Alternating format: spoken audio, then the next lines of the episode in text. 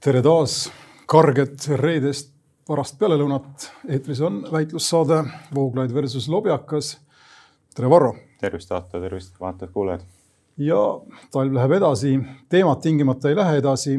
meil on täna neid plaanitud kolm, üks haakub otsapidi koroonaga. tegemist on siis äh, ühe juhtiva, valitsust nõustava juhtiva teaduseksperdi ründamisega teiseks räägime uue Reformierakonna poolt juhitud valitsuse justiitsministri Maris Lauri kavast eh, viia parlamenti taas seaduseelnõu vaenukõne, minu arvates vihakõne keelustamiseks.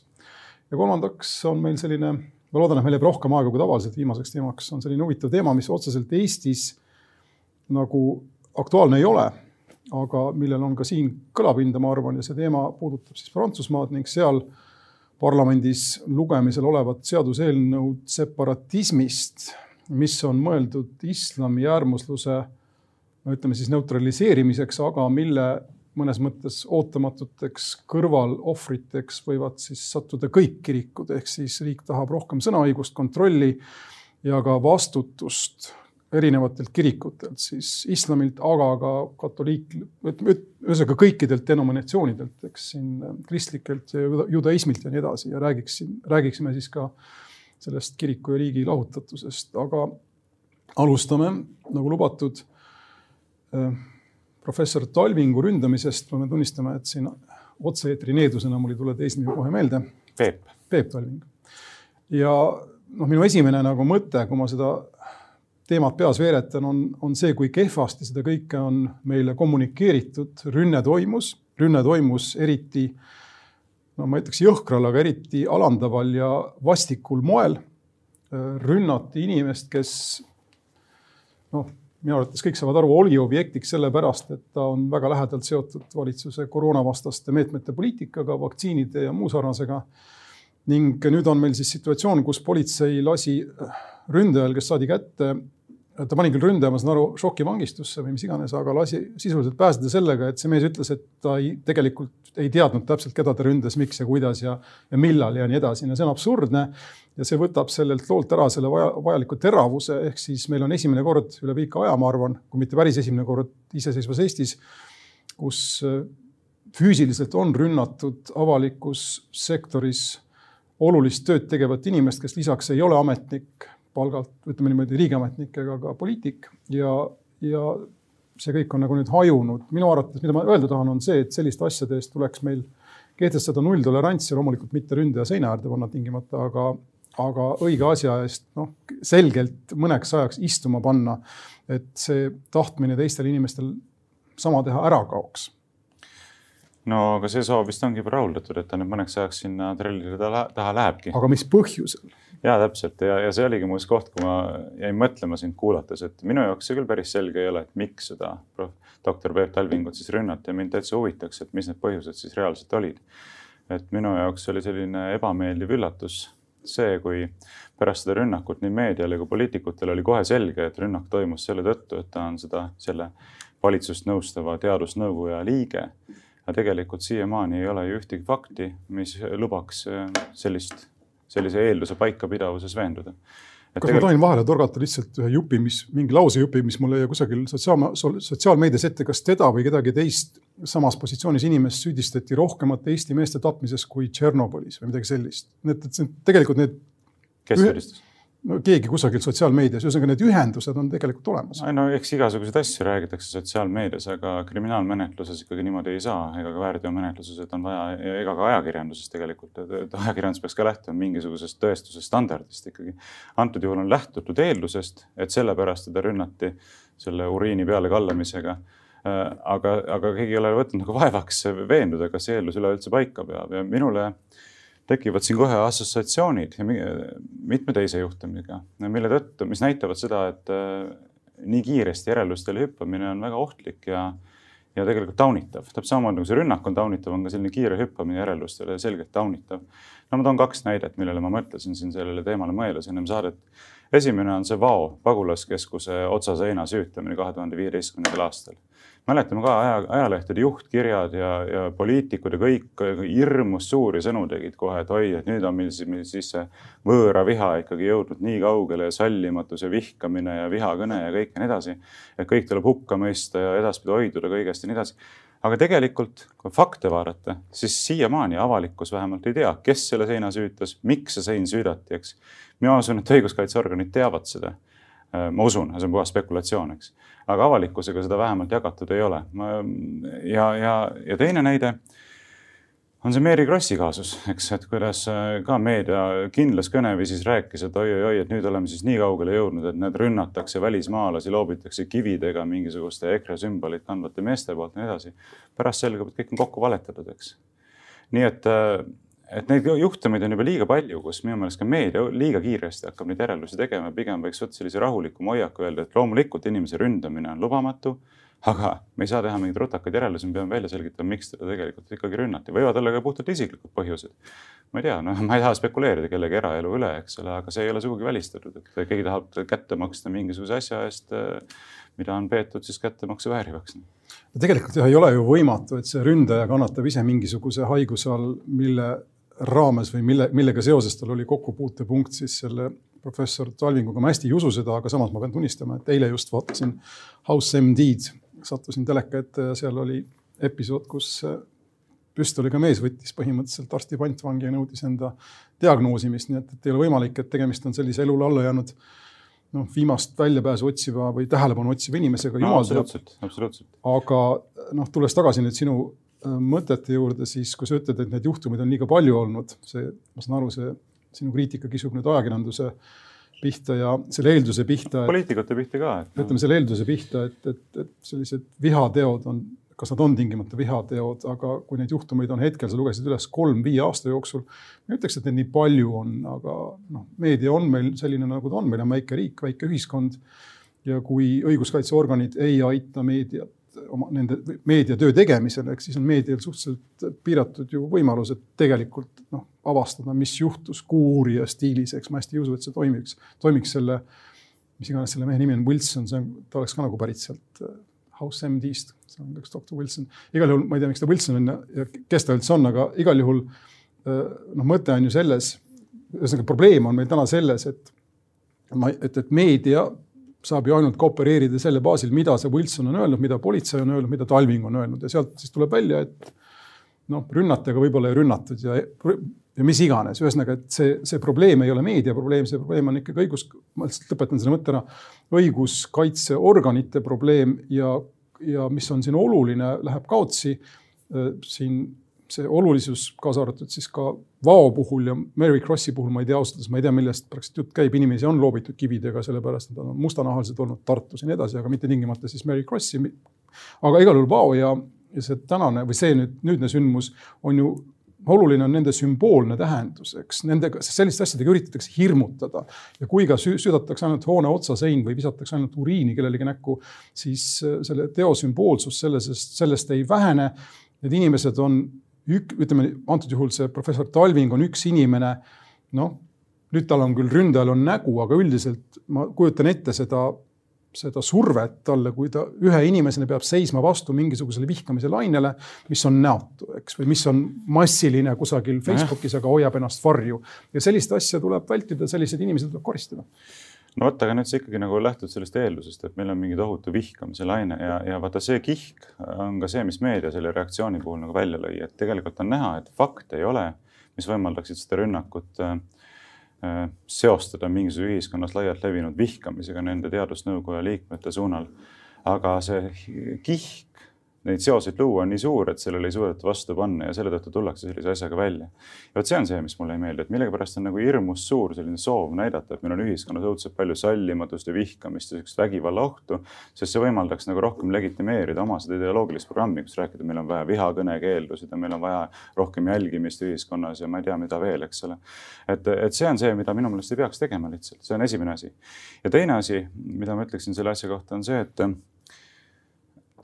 hästi selgelt oli näha, kuidas selline agenda, mingi suhtekorralduslik agenda paistis ka selle asja tagant välja, mis äh, sellest avalikust reaktsioonist meile vastu vaatas, et äh, pärast seda spektaaklit, mis siin välja mängiti, näiteks sellesama Andrei Vesternini oh kinnipidamisega. kes on ju tuntud vaktsiinivastane. just, eks, aga hästi avalikult, eks ju, mitte et peetakse kinni, kuulatakse üle, veendutakse, et mehel pole mingit seost sellega, lastakse lahti, eks avalikkus ei tea seda. tohutu, kõik ajakiri, kõik meedia kirjutab, eks oi, peeti kinni Vesterini, mees pole mitte milleski süüdi sellega seonduvalt, eks. et noh, sellinegi asi näiteks, kujuta ette, kui sinu või minu suhtes tehtaks niimoodi, kallatakse solgiga sind üle, kogu e-, meedia loeb, eks ole, et see mees on nüüd ilmselt kellelegi uriini näkku visanud. pärast tuleb välja, et mehel pole mingit puutumust sellega. aga ma ütlen, kõik, mis seal taustal minu jaoks nagu välja paistab, on see, et eh, luua selle niisuguse avalike suhete operatsiooniga selline olukord, kus edaspidi oleks tunduvalt raskem näiteks teadusnõukoja otsuseid kritiseerida, siis alati võiks öelda, kuule, mida te nüüd tahate selle kriitikaga, et veel rünnataks neid inimesi ja nii edasi, eks. aga noh, samas see ei ole õiglane, sellepärast et väga paljusid neid otsuseid minu arvates tulebki kritiseerida. ma loodan, et ma sulle nüüd liiga ei tee, aga ma tahaksin öelda midagi, mida öeldakse moslemite ja Talibani kohta. mitte kõik moslemid ei ole Talibanis, aga need, kes Talibanis on, on moslemid. Mul tekib seesama mõte, mõte torkas mulle pähe sind kuulates praegu. ma saan aru, kodaniku allumatus ja noh, kodaniku allumatusel on eri vorme, eks. ei ole tingimata paremäärmuslik, ei ole tingimata ka taunitav, sellega ma olen täiesti nõus ehm, kodaniku allumatus, millele me siit, millele mina arvan, et siin kõik tundub viitavat, on, on teatud teist tüüpi kodanik, ühesõnaga teist tüüpi kodanikelt pärit ja ei puuduta isegi teatud mõttes otseselt või esmaselt poliitilisi veendumusi, aga ma saan aru, need inimesed on sulle sümpaatsed, kuna nad tõsta.... millised inimesed? no ütleme, vaktsiinivastased kõige üld nagu nimetama no,. ma olen ise paljuski vaktsiinivastane, kui sa nii soovid, et aga, noored inimesed, kellele koroonaviirus ei kujuta mitte mingisugust ohtu, ma ei näe mingit mõtet neid inimesi vaktsineerida, keegi ei ole mulle ratsionaalset argumenti okay. vastu öelnud. aga kuhu ma jõuda tahan, on see, et ma iseenesest ei seoks seda mingi poliitilise agendaga, ma ei seoks seda ka paremäärmuslusega ega, ega, ega millegi sarnasega, selles mõttes ma hoiaksin selle, mis juhtus Vaos näiteks väga ja mis juhtus Mary Krossiga väga selgelt lahus sellega, mis juhtus professor Talvinguga. minu mõte nüüd on natukene paari lausega heita, heita ka valgust sellele, mida sa tundud nagu kas siis mitte teadvat või lihtsalt või tähelepanu alt nagu kõrvale hoidvat. seesama vaktsiinivastasuse küsimus noh, on ju meil päris laialt levinud, eks meil on meie enda uuringud näitavad, et siin kas kõvasti üle kolmandiku Eesti inimestest, kui mitte pool, ei taha, sa isegi vist oled kunagi maininud, ei taha ennast vaktsineerida lasta, sest et usutakse erinevaid asju vaktsiinide kohta ja mina pole inimene, kes peaks midagi vaktsiinide kohta tõestama. küll aga tahan mõelda seda, et vaktsiinivastased foorumid ja Facebooki grupid ja muu sarnane on noh, täis mitte ainult ütleme siis teaduslikku või poolteaduslikku vestlust ja arutelu, vaid seal on väga palju ka konspiratsiooniteooriaid, seal on väga palju eeldusi eeldamist, et inimesed, kes siis võimupositsioonilt üritavad vaktsiini ühiskonnale peale suruda, kuigi mitte kohustuslikus korras, eks, on kuidagi pahatahtlikud, kas tahavad inimestele halba, teenivad mingisuguse suurkapitali, minu juures Bill Gatesi huve või ravimifirmade huvi, huve või nii edasi. aga ütleme selli-, ütleme niimoodi, et see soo on seal väga laiemädane ja see on ka põhjus, miks näiteks Facebook nüüd suhteliselt kokkulangevuse korras, aga siiski on, ma saan aru, otsustanud sulgeda sellised grupid ehk siis ennast platvormina mitte lasta kasutada sellistel vaktsiinivastastel liikumistel, et, et, et Facebooki raames organiseeruda. ja ma arvan, et see on väga, see on väga õige mõte. kui ma sellega välja tahan jõuda. väga ohtlik mõte, sest et no ma vaatasin ka seda äh, deklaratsiooni, mis nad esitasid. näiteks üks asi, mille suhtes on nulltolerants, on siis näiteks koroonaviiruse võrdlemine gripiga miks ei või võrrelda, isegi kui nad on erinevad, mingites aspektides on nad ju sarnased, mõlemad on üle, ülemiste hingamisteede kaudu levivad, eks ole, viirused mõlemad tekitavad sarnaseid sümptome statistilised numbrid võivad olla, miks me ei või võrrelda neid asju. ja mida ma öelda tahan, on see, et sel hetkel, kui me jaatame platvormide õigust hakata lihtsalt nagu sõnavabadust sellistes küsimustes maha suruma. Me tegelikult anname neile väga vaba voli otsustada selle üle, mida me üldse siis nagu rääkida tohime või ei tohi. nii mitu olulist teemat jookseb siin kokku, sellele sa oled olutanud, osutanud gripi seos ähm, koroonaviirusega siin ähm, platvormide õigus otsustada oma sisu üle või vajadus või lausa kohustus otsustada oma sisu üle, kui vaadata seadust silma poolt tihti, eks. aga ikkagi ma tahan enda mõtte ära lõpetada. siin, mis on oluline, on see, et selles teemas see kodaniku allumatuse element või kodanikualgatuse element lausa on kontrolli alt väljunud või väljumas just tänu sellele konspiratiivsele poolele ja seni, kuni need inimesed, kes vaktsiini osas on skeptilised, eks, ja ma täiesti tunnistan seda intellektuaalse positsioonina, oota üks hetk. mul ei ole midagi selle vastu, et inimesed selle üle arutlevad ja nii edasi, eks, aga seni, kuni nad ei suuda enda seast välja juurida või lausa annavad järele sellele konspiratiivsele pahatahtlikkuse eeldamise impulsile, seni tuleb neid kuidagi ohjeldada, sest et vastasel juhul ongi tulemuseks see, et mõni inimene, kes on natukene, ütleme noh, erga, ergama või ergema närvikavaga, võtab seda kõike, mida ta loeb Facebookis väga südamesse ja otsustab, et ta teeb inimkonnale teene, kui ta kellegi nagu doktor või professor Talving uriiniga üle kallab või jumal hoidku millegi hullema eest, eks. ja seni, kuni, seni, kuni see kodaniku allumatus või algatus ei suuda iseennast korraldada ja iseenda suhtes politseid mängida, siis peab keegi teine seda tegema, sorry. no mind teeb esiteks murelikuks see, et sa kasutad läbivalt seda väljendit kodaniku allumatus, lihtsalt osutades nendele inimestele, kes ei ole nõus näiteks kiitma heaks seda positsiooni, et kõik inimesed peaks laskma ennast vaktsineerida. see pole mingi kodaniku allumatus, see on täiesti iga inimese normaalne õigus arutleda, mõelda faktide peale, luua seoseid ja teha järeldusi. see pole mingi kodaniku allumatus, vastasel juhul juba valede mõtete kan-, endas kandmist ja väljendamist me hakkame nimetama kodaniku allumatuseks, see ei ole, see ei ole ju õige.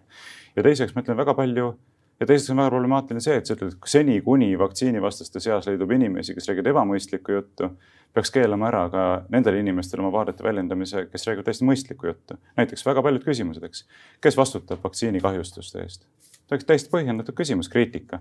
ma eile just rääkisin ühe inimesega, kelle lähisugulane, hõimlane täpsemalt oli nädal aega ühest näopoolest halvatud pärast seda, kui ta sai selle Pfizeri vaktsiini. see on väga tõsine asi, kujutad sa ette endal sellist olukorda, sa oled nädal aega selles seisundis, sa ei tea, kas sul see pool üldse taastub või ei taastu.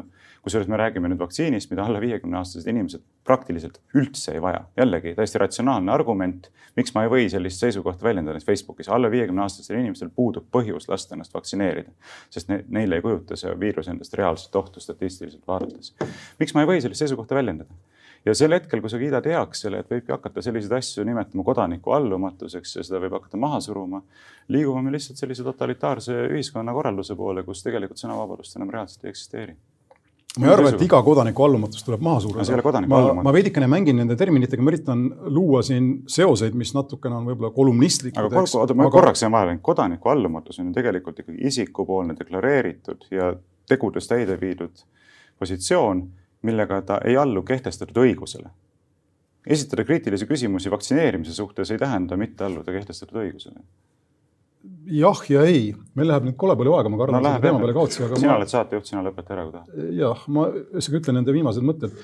mina defineerin kodaniku allumatust kui organiseeritud radikaalset või siis lihtsalt niisama usalduse puudumist süsteemi vastu. ehk siis inimesed, kes süsteemi ja mitte ainult seadust, aga ka antud juhul võimu või Reformierakonda, mul ükskõik, eks Reformierakond ei ole veel seadus, aga inimesed, kes kahtlustavad Reformierakonda mingis konspiratiivses kokkumängus, ma ei tea, maailma rahanduseliidiga, eks, on ka teatud mõttes allumatud, kui nad hakkavad selle erakonna suhtes tehtavat kriitikat pidama õigustuseks või ütleme siis ettekäändeks või, või piisavaks põhjuseks, et mitte selle erakonna poolt juhitavat juhitava valitsuse käske täita. et me võime siin vaielda, mis on allumatus, mitte, aga mina viitan sellisele organiseeritud vormile. ja mida ma öelda tahan, on see, et loomulikult ei tule neid inim-, ei tule ära keelata vaktsiinide või vaktsiiniteemalist arutelu, aga see arutelu tuleb kuidagi niimoodi ära nudida, et sealt ei tule välja maniakke, kes lähevad Kapitooliumi ründama, nagu juhtus USA-s, see on see point, või lähevad professor Talvingule uriini näkku viskama. kui sellega needsamad foorumid ja organiseerunud kodaniku allumatud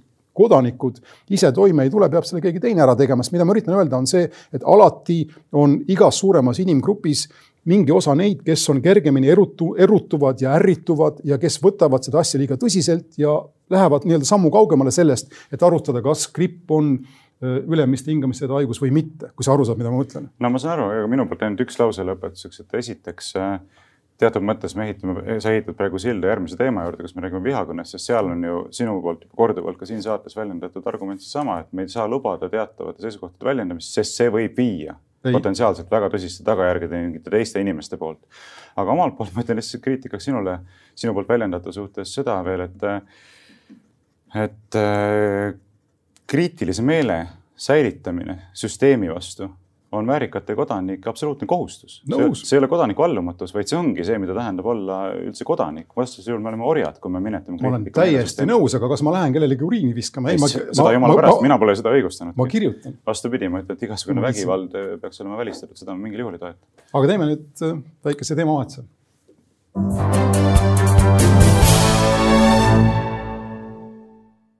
Lähme edasi nagu lubatud eh, uue valitsuse justiitsministri Maris Lauri plaaniga, lugesin ERR-is selle kohta, taas viia parlamenti siis mingit tüüpi vaenukõne keelava, vaenukõne, vaenukõne keelav eelnõu ma isiklikult ei ole selle vaenukõnega päriselt nõus, see on üks nendest äh, uus väärtsõna või tähendus, tähendus välja, tähendusväljadest, mis on millelegi antud, mis ei ole päris korrektne. ma arvan, et ikkagi mõeldakse siin vihakõne ehk siis ähm, vihkamist, mitte vaenu õhutamist, kõlab väga nõukoguliku kaasusena. igal juhul ma tahaksin alustada seda mõtet, e-, enda mõtet sellega, sellest, mida sa just ütlesid eelmise teema lõpetuseks, siin ei ole tegemist äh, paralleeliga ehk siis noh, kui me räägime vaktsiinivastastest ja nende süsteemi kriitikast ja nende vabadusest seda teha, siis äh, see ei ole, ühesõnaga see probleem, mis mul on nendega, ei ole sama probleem, mis mul on inimestega, kes väljendavad viha või minu, minu pärast vaenu kaaskodanike suhtes äh, ja keda, mida või keda siis tahab taltsutada see vaenu või vihakõne eelnõu. Äh, probleem nüüd vaenu või vihakõnega on minu jaoks see, ma olen seda korduvalt siin ka öelnud, et ühesõnaga ta on nagu samatasandiline, üks inimene ütleb teise inimese kohta midagi, mis selle teise inimese inimväärikust kas alandab või vähendab või riivab kuidagi äh, viisil, mis võib viia siis arvamusele selle esimese inimese toetajaid, et näed, siin ongi tegemist noh, õigustatud kriitika või millegi sarnasega ja mille tulemuseks on siis see, et mingisugune tavaliselt vähemus kaotab äh, turvalisust, ütleme siis niimoodi. tema elu ja tervist ja vara ei pruugita otseselt ähvardada, aga samme astutakse selle suunas, et teda marginaliseerida, tõugata nii-öelda keskmest välja ning jätta mulje, et tal on vähem õigust vabale ja avalikule elule kui mõnel teisel inimesel või mõnel teisel vähemusel või mille pärast enamusel. see on siin see probleem. Ja selles mõttes ma olen nõus sellise kõne keelustamisega no mina muidugi ei ole sellega nõus põhjustel, mida me oleme siin korduvalt ka käsitlenud aga sellega ma olen nõus muuseas, et, et vabadus ja turvalisus on teatavas mõttes teineteist välistavad suurused, eks, et mida rohkem me prioritiseerime vabadust, seda rohkem me peame olema valmis mingeid riske võtma seonduvalt turvalisusega. mida rohkem me prioritiseerime turvalisust, seda rohkem peame lahti ütlema vabadusest, et see on ka põhjus, miks näiteks Eesti riigina on ju paljuski ütelnud lahti oma vabadusest langetada ise otsuseid, sellepärast et turvalisust peetakse niivõrd palju olulisemaks kaalutluseks aga, aga noh, need probleemid selle vihakõne kriminaliseerimise püüdlusega ja muuseas terminoloogiliselt ma ütlen ka alguseks ära sama, mida sina noh, teatud mõttes sama, millele sa osutasid, et see vihakõne ja vaenukõne, see on üks semantiline udutamine, seal pole mitte mingit vahet. siin Rait Maruste mitmed teised on kirjutanud, oi see ei ole vihakõne, see on ikka vaenukõne, millest me räägime, nagu seal oleks õudselt vahet, seal ei ole mitte mingisugust vahet. mõlemad kujutavad endast täpselt ühte sama fenomeni, lihtsalt heal lapsel mitu nime, eks. et tahetakse piirata sellega sõnavabadust, see on täiesti ilmne aga peamine probleem äh, ongi ju see, et me ei tea, mis kujutab endast siis seda kuritegu. et karistusõiguse üks baasprintsiipe, nullum crimen sine lege, ütleb, et kuriteod peavad olema määratletud täpselt. ei tohi olla ühtegi kuritegu, mille kohta me ei saa aru karistusseadustikus kirjustatud, kirjutatud koosseisu vaadates, millised teod nüüd reaalselt kvalifitseeruvad siis selle koosseisu, äh, selle koosseisu täit-, täitmisena või teostamisena ja, ja kui ei ole võimalik sellele küsimusele selgelt vastata, siis sellist kuritegu ei tohi määrata, sellist, sellist kuriteokoosseisu ei tohi kehtestada, see on vastuolus karistusseadust, karistusõiguse baasprintsiipidega. ja ma ei ole siiamaani leidnud mitte ühtegi inimest, kaasa arvatud justiitsministeeriumi ametnike seast, kes suudaks mulle vähekenegi rahuldavalt ära defineerida, millised teod sinna alla lähevad, millised ei lähe, kust jookseb see piir, millest, mille, mille mille toetudes me võime öelda, et näed, kõik, mis jääb siiapoole piiri, ei lähe sinna alla, kõik, mis on sealpool piiri, see läheb sinna alla. noh, ja tüüpiline näide, millele ma olen korduvalt osutanud, on seesama Päivi Räsase kaasus Soomes, eks. endine siseminister, praegune parlamendi liige, kes on vist kolmes erinevas, kolme erineva kriminaalmenetluse all seonduvalt väidetava vihakõnega või vaenu õhutamisega, seonduvalt siis millega, et ta on väljendanud äh, piiblis äh, kirja pandud seisukohti seonduvalt homoseksuaalsete suhetega ehk teisisõnu, me näeme selle kaasuse pinnalt, et eh, kõik taandub väga paljuski tõlgendustele ja prokuratuur kui selline muutub siis poliitiliseks organiks, mis hakkab eh, inimesi taga kiusama vastavalt sellele, millised maailmavaatelised eelistused siis prokuratuuris jõupositsioonidel inimestel juhtuvad olema. seda ma ei taha, Eesti, Eesti ei tohiks selliseks riigiks muutuda. nii, see Räsasega sa, see on tegelikult meil võib-olla isegi selline hea traditsioon nüüd, et ma, sa heitsid juba silla meie kolmanda teema juurde, mis kujutab endast siis ütleme ilmaliku ühiskonna ja usu suhteid kas piibli tsiteerimine ükskõik kui kontekstisiseselt võib olla millekski, mida ühiskond ei saa aktsepteerida täna, eks, aga no võtame selle ette võib-olla siin natukese aja pärast. tulles tagasi sinu selle vabaduse ja turvalisuse vastastiku asetamise juurde, siis teatud mõttes on sul, on, teatud mõttes on sul loomulikult õigus, sellega on raske vaielda.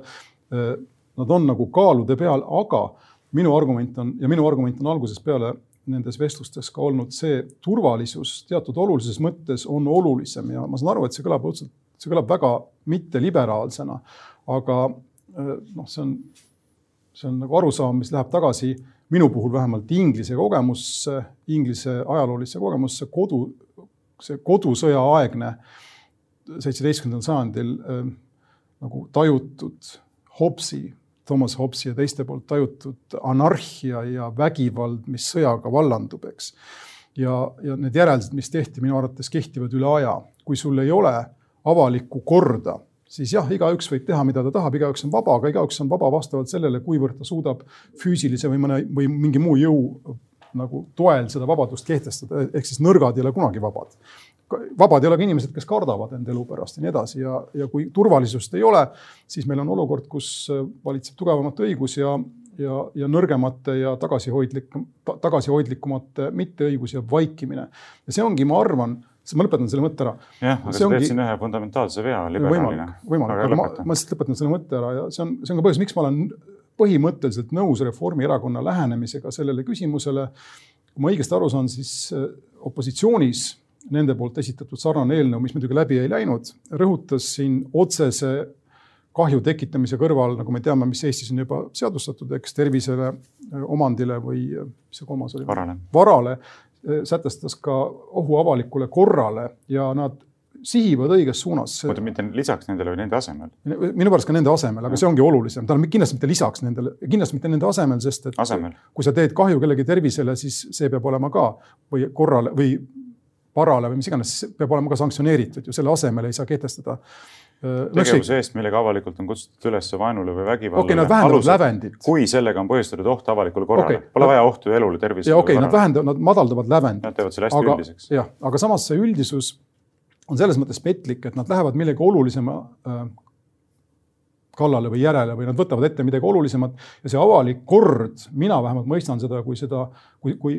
kui, kui sedasama, mida ma tahan öelda või mida ma mõtlen turvalisuse all, ehk siis peab olema paika pandud midagi elementaarset, kus igal inimesel on turvalisus endaks olla ja selle baasilt siis väljendada arvamusi, sest vastasel juhul sa ei saa vabalt kunagi arvamust väljendada, ehk siis seesama avalik kord tuleb ennem, kui see on paigas, minu pärast kasvõi jõuga ja teatud autoritaarsusega. selles mõttes mulle meeldikski palju rohkem teatud mõttes elada, ma ei tea, mõnes valgustatud impeeriumis kui, kui tingimata demokraatias, kus avalikkus võib otsustada üks päev enamusega siiapoole ja teine päev enamus muudab meelt ja läheb sinnapoole, eks. pööbel ei ole kunagi noh, usaldusväärne, eks, aga kui meil on seadused paigas ja neid jõustatakse ja avalik kord on paigas, siis selle raames saab inimene olla vaba, aga see eeldab seda siis, et iga inimene tunnistab teise inimese õigust elule ja sarnasele vabadusele ja seda peab midagi jõustama jah, aga probleem seisneb siin selles, et sa opereerid totaalselt laialivalguvate kategooriatega. inimene peab saama tunda ennast turvaliselt. no ühiskonnas on alati olnud, on praegu ja jääb alati olema väga palju argpükse kes tunnevad ennast kohe ohustatuna ja ebaturvalisena, kui keegi näiteks kritiseerib nende eluviisi, eks. ma ei tea, räägid näiteks äh, meestest, kes jätavad oma naised ja lapsed maha selleks, et võtta endale noorem naine, eks lihtsalt vastutustunnet jätad maha ja kritiseerid sellist eluviisi, et see pole moraalne, see pole õige ja nii edasi. aga ma tunnen ennast väga ebaturvalisena nüüd, kui nagu minust luuakse sellist kuvandit ühiskonnas avalike seisukohtade võttudega. ma ei julge enam õhtuti välja minna, ma kardan, et mulle võidakse kallale tulla, eks. mulle vaadatakse köördi, sõbrad ei taha minuga enam suhelda hästi niimoodi. et ma tunnen ennast ebaturvaliselt. kas nüüd sellise, selle pärast tuleks hakata inimesi karistama? selliste väljaütlemiste pärast, mina arvan, et mitte. kas ma tohin vastata kiirelt, mul oli tegelikult see kirja pandud ja see oli minu mõttekäigu kolmas osa ja see on see, mis sa ütled, mis iganes on see, mis iganes oli see ladinakeelne väljend, mida sa kasutasid. ilma kuri, ilma kuriteota ei saa olla äh,. ei saa, ei saa olla ühtegi kuritegu ilma, et see oleks täpselt seadustes määratletud. täpselt äh,, nüüd inimühiskond, kaasa arvatud siis kuriteod ei ole ju loodusteadus, eks ei ole võimalik neid panna kusagile kaaludele või ma ei tea, analüüsida nende koostist ja siis määrata, kas see või teine.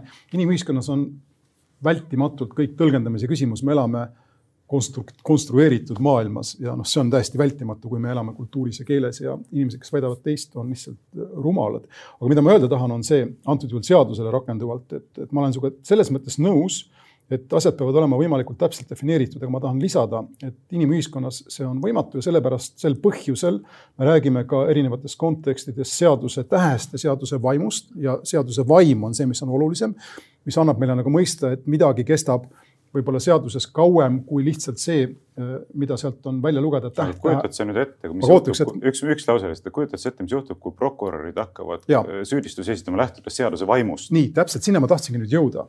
prokurörid huvitavad mind vähem, mind huvitab rohkem see, et kui prokurör süüdistuse esitab, siis ei juhtuks see, mis juhtub eks-Nõukogude Liidu sfääris, kaasa arvatud Eestis, ehk siis üheksakümmend üheksa koma viis protsenti nendest süüdistustest öö, äh, mõistetakse ka karistusena välja, eks miks see niimoodi on, on sellepärast, et meil kohtud ja prokurörid on kaugelt liiga lähedalt seotud, sellest me oleme rääkinud, aga lahendus, sellest ma olen ka rääkinud, minu arvates, on sellise tõlgendava instantsi loomine, milleks on vandemeeste kogu, kaksteist inimest kes on juhuslikult valitud, võtavad ette seaduse, võtavad ette süüdistuse ja arutavad, mida see siis tähendab ning sa, sa lõpuks saavutavad või ei saavuta üksmeele küsimuses, kas seadust rikuti või mitte, see on tõlgenduslik lähenemine, lähenemine seadusele nii-öelda noh, ütleme veidikene laiemalt pinnalt kui, kui siin ja praegu, aga sisuliselt ikkagi võtaks ta kokku.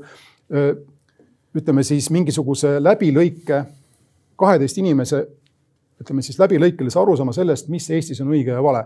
ja karistuse määraks muidugi kohtunik, eks. selline on ainukene võimalus sellist noh, loodusteaduslikkust või sellist utoopilist lootust vält, vältida, et, et meil on seadused, mida on võimalik igal inimesel tõlgendada loodusteadusliku täpsusega, see on, see on võimatu no aga selle eesmärgi poole peab pürgima. me ise loome probleemi, mille, millele sa hakkad nüüd pakkuma lahendusi vandemeeste kogu kokkukutsumise näol. aga meil ei ole vaja seda probleemi luua, milleks me loome selliseid kuriteokoosseise, millele peale vaadates on täiesti võimatu öelda, millised teod siia alla kvalifitseeruvad. ennem rääkisime sellest äh, Reformierakonna poolt välja pakutud eelnõus sisalduvast määratlusest, eks. kui sellega on loodud oht avalikule korrale, no avalikku korda tuleb lähtuda, tuleb määratleda ikkagi siin juriidilises tähenduses. korrakaitseseadus ütleb, et selle näol on tegemist ühiskonna seisundiga, milles on tagatud õigusnormide järgimine ning õigus hüvede ja isikute subjektiivsete õiguste kaitstus. no nii. no ja see on ju absurdselt laialivalguv, absurdselt laialivalguv. mis siia alla läheb? milliste sõnavõttude, avalike sõnavõttudega on seatud ohtu inimeste subjektiivsete õiguste kaitstus. näiteks kui, näiteks kui öelda, et gei inimene ei ole samast, samasuguste õigustega inimene nagu ma ei tea, normaalne inimene või heteroseksuaalne inimene. homoseksuaalsed seotakse... inimesed ei peaks saama omavahel abiellu astuda näiteks, kas sellega on seatud ohtu? lõppkokku, ei, sellega ei seata kindlasti ohtu. aga miks ei seata, võib-olla keegi aga, teine arvab, et kindlasti ma leiaksin sulle terve okay. hulga homoaktiviste, kes ütleksid, kuidas ei seata, seatakse ikka. aga las ma piritan natukene laiemalt ja samas ka kitsamalt ja konkreetsemalt.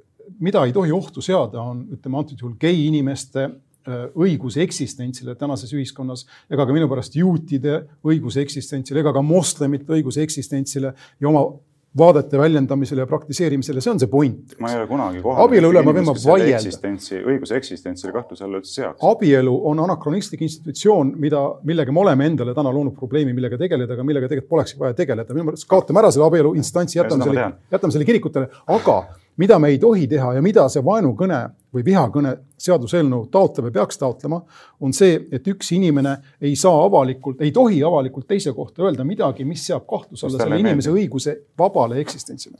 et üks inimene ei tohi öelda teise inimese kohta avalikult midagi sellist, mis teisele inimesele ei meeldi ei, mitte päris. ei no selleks on sul ju vandemeeste kogu. aga see ongi see, kuidas teie nagu arutlete liberaalidena, et te toote mingid ülidrastilised näited, eks ole, et ei tohi ju kutsuda üles inimesi kontsentratsioonilaagritesse panema ja ahju ajama, eks seda niikuinii ei tohi teha kehtiva seaduse kohaselt ka aga, aga tulemus on see, et Päivi Räsänen, eks ole, on kohtu all sellepärast, et ta ütleb, et homoseksuaalsed suhted on ebamõistlik. aga ma tahtsin ka ühte asja öelda, sa segasid aga... mitu korda vahele, ma ei saanud oma mõtet väljendada. ma ühe lause kasvõi ütlen, kui sa rohkem ei luba mul rääkida, aga, aga seda ma tahan öelda mis on oluline, on see, et olete tähele pannud, et nii kui liberaalid saavad võimule, ei ole kellegi reaalsed põhiõigused ja vabadused enam kaitstud kui konservatiivsemalt meelestatud erakonnad olid võimul, keegi ei tule välja selle ideega, et hakkame äh, oma ideoloogiliste oponentide sõnavabadust maha suruma kriminaalkaristuse ähvardusel. aga nii kui said kaks ennast liberaalsena väljendava, äh, määratlevat parteid võimule, tullakse tead esimestel nädalatel välja sellega, et ei, et vihakõneseadus tuleb ikkagi vastu võtta ja kehtestada, ise ei suudeta ikkagi määratleda, mida see tähendab, eks. nii et see näitab, et tegelikult liberaalid on ise kõige suuremad äh, vabaduse vaenlased meie ühiskonnas. ja teine tähelepanek. ühe lause ja, ja, ja see ongi, ma, pikk lause, nagu ma olen sinust eeskuju võtnud. ja teine tähelepanek on see, et selle seaduse järele puudub igasugune vajadus, kui sa vaatad Eesti ühiskonna reaalsust. meil ei ole vaja seda, meil ei ole mingeid vihakuritegusid, mille ärahoidmiseks oleks vaja nüüd hakata inimeste sõnavabadust maha suruma. selle seaduse läbisurumiseks on ainult üks põhjus, see on see, et Brüsseli keskvõim nõuab seda. ja see on ka väga kõnekas, näitab, kus, millises riigis me praeguseks nagu elame. ma ütlen ühe kommentaari lihtsalt selle, mis puudutab nüüd äh, eelmist valitsust ja konservatiivide suhtumist geidesse, see, et nad ei hakanud Nad tuleb ühte pakku kogu see no kahjuks tõesti, aga see on, ütleme siis sümboolne ja tähendusrikas. aga see nüüd, et ei hakanud rekriminaliseerima Nõukogude kombe kohaselt geiks olemist. iseenesest on tunnustatav, aga see, aga ta ei ole oluliselt erinev sellest, et geiks olemine taheti kappi tagasi ajada mingisuguse moraalse enamuse survel. ja seegi on lubamatu ja ma olen nõus sinuga, seda on väga, kõike seda on väga raske defineerida ja selle üle isegi mõistlikult arutleda. aga see tendents ja soov, ma arvan, et sa ei vaidle minuga, on paljudes sellistes konservatiivsetes või äärmuskonservatiivsetes inimestes olemas. ja selle soovi väljendumine on see, mida sihitakse selle vihakõneseadusega, aga teeme väikse pausi ja lähme Päivi Räsase juurde.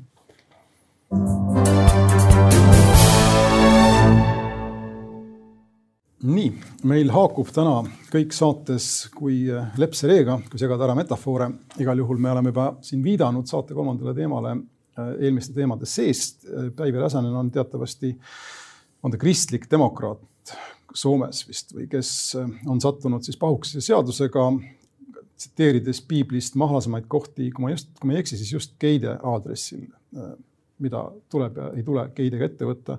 igal juhul küsimus laiemalt Prantsusmaa näitel nüüd on meil selles, kui ähm, teatud usuvoolud või usulahud, mis on ütleme Euroopa mõistes sajandi Kristuse puhul olnud suhteliselt nagu dormantsed või uinuvas olekus, hakkavad taas pead tõstma avalikus sfääris ja neil on muidugi õigustatus olemas, eriti kristlusel läbi selle, eks, et meie tsivilisatsioon on paljuski ehitatud juudi kristluse väärtustele või judaismi kristluse väärtustele ning nende väärtuste jah, allikad on kohad nagu piibel, samas kui piiblis võib leida väga väga karme kohti, eks siin mitte ainult geide kohta, vaid ka minu pärast vaenlaste laste kohtlemise kohta, kes tuleks kõik vastu kive, vastu kive surnuks heita näiteks Vanas Testamendis, mul tuleb ette niisugune koht. ühesõnaga, küsimus on nüüd selles, kas ja kuivõrd riik peaks sekkuma avaliku võimuna sellesse, mida sellistes usulistes kontekstides öeldakse, kasvõi pühakirjale toetudes mm, viisil, mis äh, sellest kontekstist välja võetuna ilmselgelt oleks vihakõne või, või vaenamine. sinu arvamus, ma kardan, et ma arvan, tegelikult ei lähegi väga lahku minu omast, võib-olla, aga proovime milles küsimus täpsemalt seisneb? kui, kui kaugele võiks riik minna, no ütleme siis politsei mängimisega selles, mida sa oma või mida keegi oma ususekti raames ütleb, arvab ja jutlustab ah,? ma olen alati öelnud, et ma olen nõus sellega, et otsesed äh, konkreetsed üleskutsed vägivallale, kui on ka oht, et need võivad teostuda, peaksid olema keelatud. ma sellega ma olen nõus, et me ei peaks äh, äh, aktsepteerima seda, et me lahendame sellisel viisil ühiskondlikke erimeelsusi, me kutsume üles vägivallale ja see on piisav. mina arvan, et rohkem pole vaja, et sõnavabadus on väga suur hüve, eriti sellises demokraatlikus ühiskonnas, mis äh, ei taha luua sellist olukorda, kus inimesed ei julge oma vaateid väljendada, mis erinevate domineerivast ideoloogiast ja ma arvan, et siin peab olema üliettevaatlik ja piirama sõnavabadust nii vähe kui võimalik.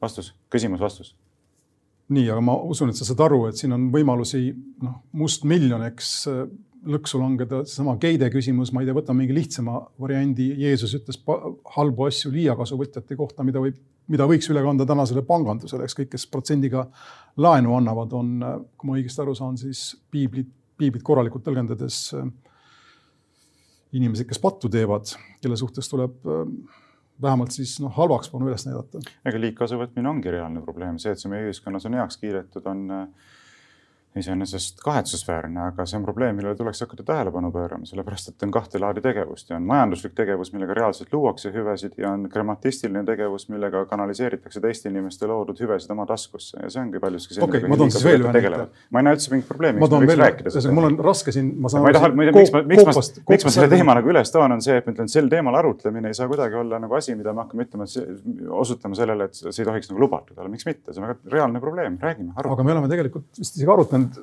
näidet, mida ma nüüd tahtsin tuua, see on naiste positsioon ühiskonnas, sa oled avalikult ja vabalt ja julgelt öelnud, eks, et naised ei peaks päris samu rolle täitma nagu mehed. ei täidagi. jällegi piiblile tagasi minnes, see on võimalik, aga valgu, valgustatumates ühiskondades oleks see probleem, kuna tegemist oleks diskrimineerimisele kutsumisega. ja küsimus on selles, kas see peaks nüüd lubatud olema või mitte. no näiteks mina arvan, et naised ei peaks läbima sõjaväeteenistust kohustuslikus korras nagu mehed peavad, et ma väga vabandan, kui ma. aga kas naine peaks sinu, kas sinu abikaasa peaks sinu sõna kuulama, nagu piiblis tuntud, nagu mulle näib, piiblis öeldakse? ultimatiivselt ma arvan küll, et mees on perekonna pea. ultimatiivselt sa mõtled nagu päeva lõpuks, mitte ultimaatum esitada. ma ei ütle seda, et mees ei pea loomulikult käituma türannina, kes ainult käseb, keelab, poob ja laseb, vaid lõppude lõpuks on meil, eks nagu igasuguses ettevõtteski näiteks, et ei ole ju lõpuni demokraatiat, et üritatakse teha kõiki asju koostöös, konsensuse alusel. aga lõpuks peab ju kellegi sõna olema see, mille järgi lõpuks asjad otsustatakse, muidu lähevad perekonnad puruks lihtsalt, me oleme seda liiga palju näinud. demokraatiasse sa ei usu? Noh, ma usun, et see on üks riigivalitsemise vorm, millega saab tegutseda, aga parim see kindlasti ei ole. mingil hetkel lapsed hääletavad sul lihtsalt välja, eks. ja hääletavad su maha Neid on rohkem. ühesõnaga, mis on tegelikult sümptomaatiline, on see, et seda debatti on meil huvitaval kombel väga raske käima tõmmata. no aga. võib-olla Eesti, Eesti võib-olla peaksime korraks vaatama ikkagi nagu, meil ei ole üldse enam eriti aega, eks, aga, aga see teema reaalselt äh, Prantsusmaal on praegu õhus ja, ja mis minule nagu neid taustamaterjale lugedes nagu silma torkas, on see, et reaalne oht, millega, mille vastu võitlemiseks need plaanid on nagu esile tõstetud, on ju tegelikult islami äärmuslus, on ju. seda keegi ei eita, et meil on siin, mis seal oli kirjutatud artiklis, et kuu, viimase kuue aasta jooksul on ainuüksi Prantsusmaal toimunud kakskümmend viis terroriakti avalikku, kus on inimohvrid olnud, eks. ei ole olnud mingeid kristlikke terrori, terroriakte ja nii edasi. küsimus ongi, et usk, et usk ei radikaliseeriks ühiskonnaliikmeid, jah aga, aga nüüd me näeme, kuhu viib see selline egalitaristlik ideoloogia, mis ei luba nagu öelda, mis on päris probleem ja rakendada siis meetmeid selle probleemi suhtes. võttes, ei, me võtame nüüd mingid meetmed, mida me rakendame kõigi suhtes võrdselt, et rakendame võrdselt neid moslemite suhtes ja rakendame võrdselt neid kristlaste suhtes. ja selles mõttes sellisete meetmete rakendamine radikaalselt erinevate gruppide suhtes, kellest ühe, kellest ühe puhul ei ole reaalset probleemi, on sügavalt ebaõiglane. ja noh, kui vaadata neid meetmeid, siis on ju noh, väga sügavalt ka inimeste päris põhiõigustesse sekkuvad. Vaatad... keelata ära nii palju kui võimalik koduõpe näiteks, nõuda laste panemist riiklikusse kasvatus- ja haridussüsteemi juba kolmeaastaselt ja nii edasi. et see on noh, selline totalitaarse riigi mudel ja minu meelest on põhjust mure, mures olla. aga ma toon sulle vastupidise näite Ameerika Ühendriikidest, kus religioossed äärmused on olnud, just kristlikud äärmused on olnud tegevad terrorismis, võtame siin Timothy McVeigh. mis tood mingi kahekümne aastase ühe kaasuse. ja, aga teiseks Kapitooliumi ründamine kogu see, kogu see Bible Beltile rõhumine äh, siin erinevate presidentide poolt, äh, Trump. Kapitooliumi ründamist sa mainid, aga huvitav, see Black Lives Matter'it ei maini, mis no, põletas ja rüüstas ja tegi nii, et vähe polnud. Nad ei rünnanud Kapitooliumi. küsimus on selles, et kõik usud on, noh, kannavad endas seda potentsiaali. kas Kapitooliumil meeleavaldamine oli mingi spetsiifiliselt kristlik äh, ideoloogia ühiskonnale pealesurumise akt? seal puudus igasugune suhe moslemitega ja ma arvan, et see suhe oli päris lähedane äärmuslike kristlike preestritega või kuidas iganes neid kutsuda. minu point on selles, et sa ei saa, ma arvan, et uskusid ei saa kohelda noh, erinevalt ja. oota, aga kes paneb Prantsusmaal on... toime eh, terroritegusid, kas kristlased või moslemid? ei, moslemid. küsimus on lihtsalt no, selles. aga küsimus on lihtsalt selles, et sa pead diskrimineerimisvabalt ei pea suhtuma, sest no, suurem osa. see me oleme halvatud, kui me peame kinni nendest dogmadest, mis ei tohi diskrimineerida. ega päriselt niimoodi ei ole, me oleme tagasi selle Talibani ja moslemite mõtte juures. üheksakümmend viis protsenti Prantsusmaa moslemitest on väga mõistlikud Prantsusmaa kodanikud, kelle usk ei sega ja ka Belgias ja mujal ei sega kuidagi ilmalikku elu. viis protsenti on probleem.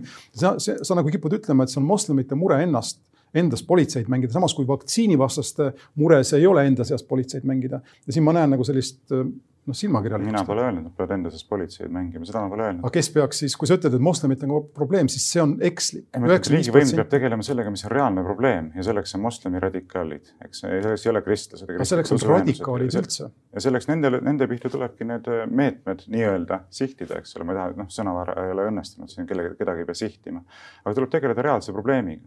ja aga noh, teine asi, mis mulle selle kaasust ka sellele kaasusele mõeldes silma torkas, on see, et vaata, kuidas on ise loodud probleem, eks, avades ühiskonnal, ühiskonnas uksed sellisele massilisele immigratsioonile, siis tekib suur probleem, mille mahasurumiseks sa võtad kasutusele meetmed, mis tabavad mitte lihtsalt seda, neid inimesi, kes on selle probleemiga seotud, vaid kogu ühiskonna laiemalt. see probleem ei ole kusjuures massiimmigratsiooni probleem, kui sa võtad selle viimase kaasuse, võeti pea maha ajalooõpetajal Samuel Patil, seda tegi Tšetšeen. Tšetšeene on Prantsusmaal üsna vähe ja nad on tšetšeenid esmajoones, mitte moslemid tingimata, eks. et see kõik on hoopis keerulisem, aga, aga siin kahjuks meil ei ole jah. muidugi võiks läbi vaadata kõik need kakskümmend viis rünnakut viimase kuue aasta jooksul, kes need aga võtame ette ka näiteks abordivastaste rünnakud doktoritel USA-s, need kindlasti ei olnud moslemid, kes ründasid. aga millal viimane selline toimus? ei tea koos, aga mul on meeles paarkümmend aastat tagasi, päris tihti. igal juhul äh, aeg on läbi, internet saab otsa, nagu armastas öelda Mart Laar ähm, ja te kuulasite arutelusaadet Vooglaid versus Lobjakas ning kui jumal annab, siis oleme tagasi järgmisel reedel. tänan kuulamast. kohtumiseni.